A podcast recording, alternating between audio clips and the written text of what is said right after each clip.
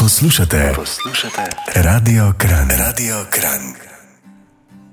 No, med sprehodom po mestu Kran pa smo danes na slovenskem trgu opazili stojnico z napisom Polni zagona. Radovednost nam ni dala miru, zato smo se ustavili in fante povprašali, kaj tam počnejo. Lep pozdrav, danes pa v sodelovanju z Ministrstvom za okolje eh, popravljamo krančanom kolesa. Gre za brezplačne preglede, nastavitve koles in pa manjša popravila.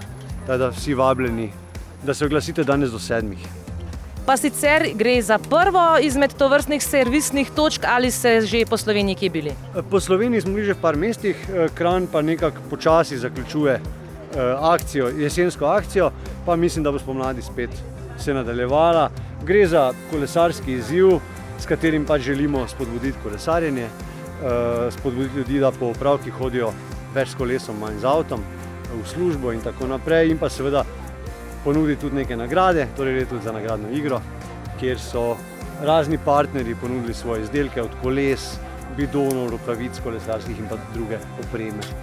A pa gre tukaj ta projekt v sklopu Evropskega tedna mobilnosti, ali je to čisto posebej ločena zadeva?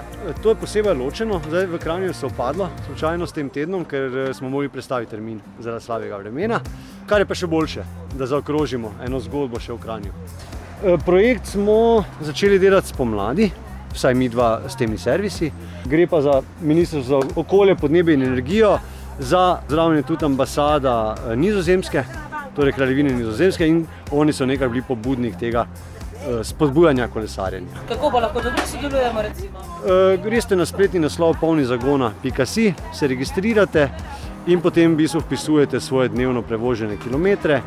eh, S tem pa tudi potem sodelujete v nagradni igri.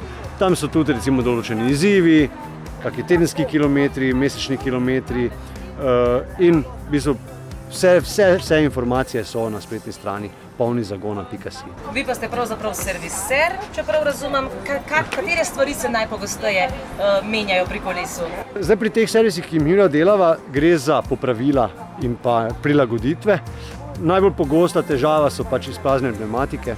Večina ljudi, ki uporablja kolesa v mestu, nima dovolj napumpanih eh, pneumatik. Potem pa nastavitve menjalnikov, zavor, pač trudimo se na teh servisih narediti kolesa varna za uporabnike. Če se pa ne da, pa jih usmerimo na lokalne servise z nekim obrazložitvami, kaj je treba zamenjati, da bo kolo varno.